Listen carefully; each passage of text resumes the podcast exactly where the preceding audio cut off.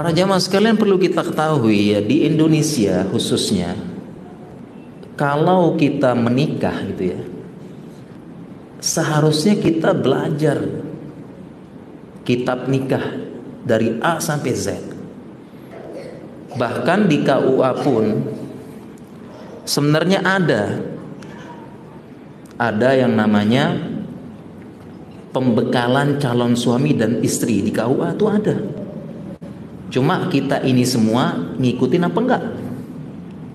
Kayaknya kita sepertinya tidak ada yang mengikuti ya jamaah ya. Enggak siap akad sama malam pertama ya. Harusnya ada. Sehingga kebanyakan kita ini nikah Bismillah aja insya Allah gitu ya Nggak belajar tentang fikihnya Apalagi tidak belajar tentang berbagai macam karakter-karakter dasar Suami dan istri yang ada dalam Islam tidak jarang kita ketika menikah kaget. Ternyata istri begini, ternyata suami begini kaget. Terlebih kagetnya tersebut ditambah dengan berbagai macam ya tontonan gitu ya.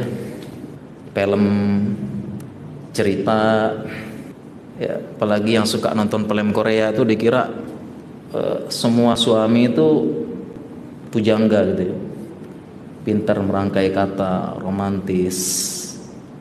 Ya, setiap hari menggelar tikar merah, karpet merah berjalan misalnya. Padahal di sini kita bahas nanti salah satu sifat dasar suami cuek. Banyak dari kaum muslimin nikah nggak belajar, nggak tahu sifat dasar ini. Semangat aja, Bismillah. Dan latar belakang salah satunya lagi para jamaah sekalian, karena salah satu prestasi terbesar setan adalah menghancurkan rumah tangga kaum muslimin. Ini prestasi terbesar setan. Kalau kita tidak mengetahui karakter dasar, tidak memahami kan rumah tangga itu ya bagi calon yang belum menikah ataupun sudah menikah ilmu penting. Kalau kita tidak berusaha memahami yang terjadi adalah banyak salah paham. Kalau kita tidak memaklumi sifat dasar tersebut, yang terjadi adalah salah paham, cekcok, pertengkaran, perdebatan, dan wal berujung perceraian.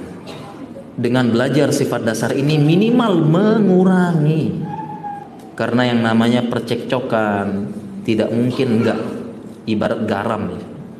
rumah tangga Rasulullah Shallallahu Alaihi Wasallam saja cekcok ada goyang-goyang ombak dari kapal bahtera rumah tangga ada Nah, salah satu cara mengurangi prestasi terbesar setan menghancurkan rumah tangga kaum muslimin kita pelajari dasar tersebut dan kita memaklumi.